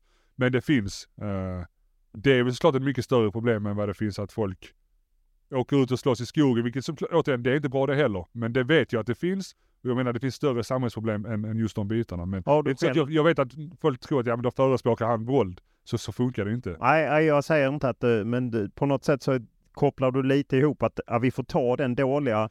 Vi kan inte äta hela kakan utan dem. Ja, jag, jag tror just där och då var inne jag vet inte, var det i höstas jag sa det? Ja, höstas. ja men det var också det, där kände jag, att det gick så sen som i förening, jag tyckte allting var jobbigt och jag har alltid sagt, jag har alltid varit så här att jag är rädd för att det vi har på våra läktare idag ska en dag försvinna. Jag menar, det har varit- varit nästan, nästan hälften av mitt liv, alltså hela min passion till fotboll har, har skapats eh, på en läktare i Sverige. Skulle man, det är med den rädslan att det en dag ska försvinna. Jag tror, ska man göra allt man kan för att göra en häxjakt på att få bort alla de mest aktiva supportrarna så jag har ju den rädslan kvar att då kanske det här försvinner. Vad gör vi de tio åren när läktarna står tomma som det var för 30 år sedan när Malmö mötte AIK på stadion och det var 2000 på plats. Vilket ingen vill ha, ha igen ju. Så att det med, jag tror det var med den rädslan där och då att tänk om det försvinner det som vi har på våra läktare idag. Men går det att ha passion och allt det här utan att man Ja, har det, det, våldet? exakt, det är där, det är där jag står och, och, och, och, och välar ju. Så Det vill jag ju kunna säga, ja det kan man. Men jag, jag har ju inte svaret på det ju. Så jag tror allt detta jag sa där och då grundades i min rädsla att jag en dag ska få, jag, jag vet inte om jag ens kommer att spela, men tänk om jag en dag om jag är 40-50 år gammal och ska gå och kolla på Malmö så är det helt plötsligt bara 5000 på läktaren. Alltså det är som att hela mitt liv bara raserar då ju. Det var mer den rädslan jag kände att tänk om våra läktare försvinner. Har du själv varit en del av den scenen? Jag vet ju att du var en del av läktarscenen men så att säga. Nej, jag har eh, faktiskt aldrig slått i mitt liv i uppstyrda fotbollsslagsmål. Nej, det har jag inte. Men jag, som jag sa, jag har ju växt upp på en läktare. Jag har kontakter i, i de flesta aktiva grupperingarna ju. Eh, Så jag vet ju vad, vad, vad det är som händer. Eh, Men ja, bara för att jag pratar om de bitarna så är det inte så att jag förespråkar våld. Jag bara säger, jag vet att det finns. Landslaget slutade du i efter EM 2021. Har du ångrat dig? Än så länge nej, har jag inte. Eh, hur följer du EM-kvalet? Så I och med att jag har, alltså hela ledarstaben är kvar som, som jag kommer otroligt nära. Eh, alla de spelarna är kvar som jag kommer otroligt nära. Många av dem är vänner, alltså även utanför fotbollen som, som Foppa, som Emil. Eller, som Foppa, som Robin, som Helander och Svanberg. Alla de här Malmöligan, Malmömaffian som vi kallades. Eh, så genom dem såklart så, så ser jag även inte, så- inte att jag bara kollar på utan att jag följer det och har dialog med dem när de väl är där och ringer dem och festar med alla de här sakerna. Så. Eh, för är inte de på dig, Robin Olsen, Emil Forsberg, tycker att du borde komma tillbaka? Jo, det är de ju. Uh, vilket gör det jättejobbigt. Jag är en sån person, alltså varenda gång av de två, tre gångerna som Janne har hört av sig och ringt så har jag tyckt det var skitjobbigt. För att, att säga nej till en, en människa som jag gillar så mycket som jag gör med Janne och med dem som jag gillar så mycket som jag gjorde i landslaget. Så det är skitjobbigt att säga nej.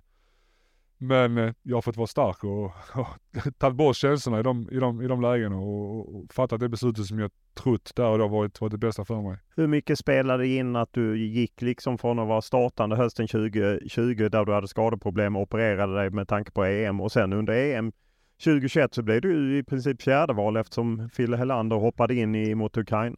Ja, nej, det är klart att det vägde in ju. Alltså jag kände ju där under EM att på något sätt jag kom längre och längre ifrån för varje dag, för varje träning som gick och jag kände att jag blev en sämre och sämre människa. Jag- Under mina tidigare år i landslaget kände jag alltid att jag pushade de andra, jag var alltid redo, jag var alltid beredd. Jag gla- gladdes nästan när Ganen och Vigge som där och då var före mig gjorde det bra. Men under där EM 2021, när jag precis hade gått upp i Premier League det var så mycket känslospel i mitt huvud. Att jag kände för varje dag som gick under den samlingen där i Göteborg så, så blev jag sämre och sämre sämre och sämre på det jag hade gjort så bra under mina tidigare 7-8 år i landslaget.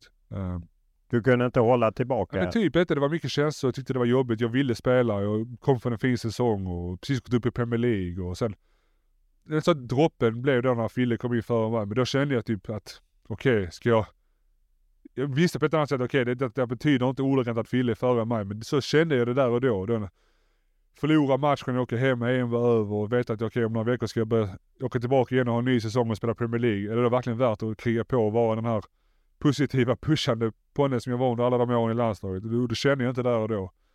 Och sen hjälpt mig av min familj främst då. Tog du ett beslut lite i affekt, alltså påverkad av känslorna? Ja men det tror jag. Men det är som jag sa, jag har under hela min karriär alltid fattat beslut tror jag ganska förhastat med, med som jag sa med min magkänsla tidigare och känslor, eller beslut som jag trott varit rätt där och då och sen inte ens, klart jag reflekterar över saker jag, som jag fattar men där och då kändes det som att, eh, att det var rätt beslut. Och Som du sa, jag har inte ångrat mig än, i, än idag. Det är ju många som har tyckt det var konstigt framförallt under första året när du spelade. Gjorde jättebra. Lagkapten i Premier League, kanske världens bästa liga. Och så var du inte med i landslaget när landslaget samtidigt hade lite backkris. Det framstår ju som obegripligt. Ja men från vems sida då? Ja, från min eller från många andra. Ja men jag menar, det var svårt för mig att, att, att ändra, alltså jag hade fattat ett beslut och så och bara ändra mig typ så två månader senare, det hade bara känts konstigt och framförallt ännu senare där på, på Marshamn, var det väl snack igen och då, Att komma tillbaka då sju, åtta månader senare och ta en plats från då, då tyckte jag att då var det väl Hjalmar som kom in och Isak spelade match, Hir och Jocke Nilsson kommer. Så ska jag bara komma in och bara ta någons plats när de bevisligen har mycket mer starka känslor för att göra det än vad jag har. Eh, det kändes inte rätt heller där då, bara komma tillbaka för att, för att spela en, en samling och sen, vad skulle jag då göra efter det? Ja det känns bra, det kändes kul, ska jag då bara helt plötsligt fortsätta? Och plus tänk om jag hade kommit in... Större spelare nu har gjort så. Jo, Henrik Larsson till exempel. Ingen prestige, jag ska inte jämföra mig med andra, men jag, så resonerade jag i alla fall att Tänk om jag hade kommit, jag hade ingenting att vinna på att komma tillbaka i alla fall. Hur, eh, när var det senast du talade med Janne Andersson? Uh, ja, när jag träffade dem i, i, uh, i november när de var i Malmö uh, senaste.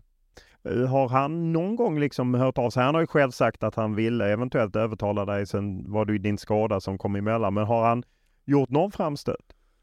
Nej, alltså, där var det väl så snack och där, där är jag faktiskt, om jag ska vara helt ärlig, tänka att okej, okay, jag pratade mycket med Wettergren, jag pratade med, med Ekvall. Peter Wettergren och Daniel Ekvall. Ekvall, ja. psykologen, också med Janne och alla du vet. Jag bara kände den kärleken jag fick under de timmarna jag var på, på stadion där och träffade alla. Att, ska jag vara ärlig så kände jag att okej, okay, kanske finns det en chans att jag, att, att jag kanske ska komma tillbaka. Och sen så har säsongen sen dess varit väldigt stökig. Alltså nästan timmarna innan som jag kom och besökte dem på stadion där så hade jag träffat Danne och Gerson och, och sen Anders Paulsson och bestämt mig mer eller mindre för att flytta hem. Det var så mycket känslor det och, och, och hantera. Eh, så där och då var jag nog mer typ så började känna, oh vilken kärlek jag fick först från Danne och dem och sen så kom jag till stadion där, som då i min hemma, hemma Och där landslagsledningen var på besök. Så fick jag kärlek av alla de spelare som sprang över och kramade och alla ledare och sånt så att mycket känslor att hantera där och då. Men ja, och något som jag och några andra reagerade på. Du blev ju inte årets försvarare och jag menar Wettergren är med där, Janne Andersson är med där och röstar. Hur mycket spelar det in? Nej, jag ska vara ärlig. Tyckte jag att det var lite tråkigt. Jag kände att jag hade en väldigt fin säsong.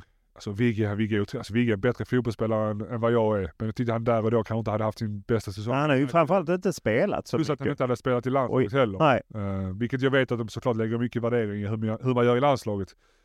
Så ska jag vara ärlig så tyckte jag det var ganska tråkigt. Alltså, det var skönt att kunna få en, ett pris i alla fall för något, något individuellt. Uh, men sånt, sånt glömmer man ju sen snabbt ju. Uh. Om eh, Janne Andersson eh, ringer och du gör det bra i, i, i Allsvenskan, eh, vad talar för att du tar ett annat beslut då?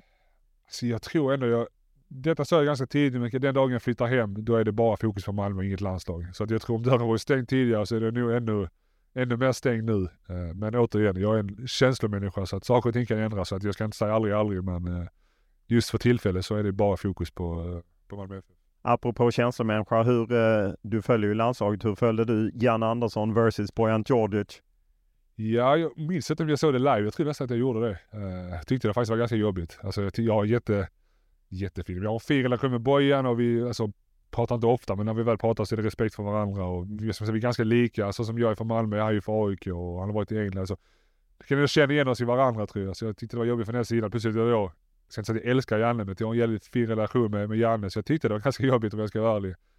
Hur överraskad är du att Janne Andersson som länge haft en bra relation i media och hanterat de flesta jobbiga situationer, en miljon frågor om Zlatan exempelvis utan att bry sig upp och nu plötsligt tappade så? Ja, eh, jag tror Jannes första 5-6 år när allting gick bra så han hanterar media jättebra. Eh, lite liknande situation som med Hamrén, nu minns jag inte jag så mycket med Hamrén men det var väl lite liknande där att allting var dans och rosor till den början och sen det var dock väldigt korta, uh, kort ja, lite period. kortare kanske, brintid än vad Janne hade. Uh, men uh, alltså, jag tror bara att Janne, jag tror, jag har inte faktiskt ens varit ärlig, men jag har inte ens läst vad som är sagt efter, men jag tror att Janne ångrade sig lite i hur han, hur han, alltså det är en del av det alltså. Uh, och det gäller att hålla sig kall och uh, att få kritiska frågor är en del av jobbet. Alltså jag, så många gånger i min karriär också tänkt, vad är det för frågor man får? Det brusat upp. Men jag tror, framförallt han som ändå är vår förbundskapten för vårt land, för, för, för vår fotboll, att han han måste hantera det bättre än vad han gjorde där och då. Det tror jag han kommer göra nästa gång också.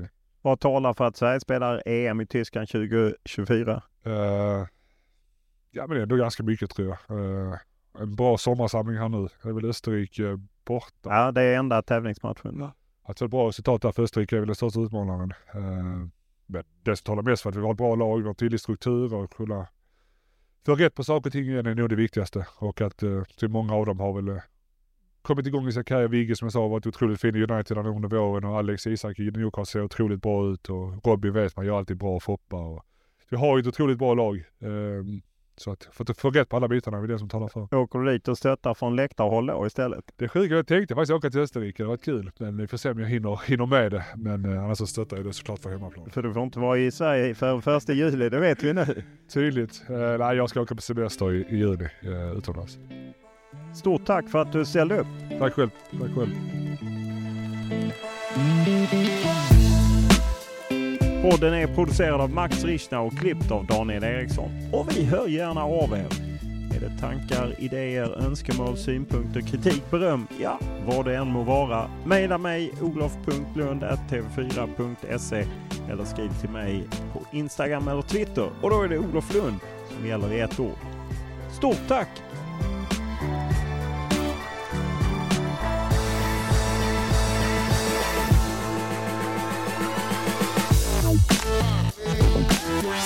Bye.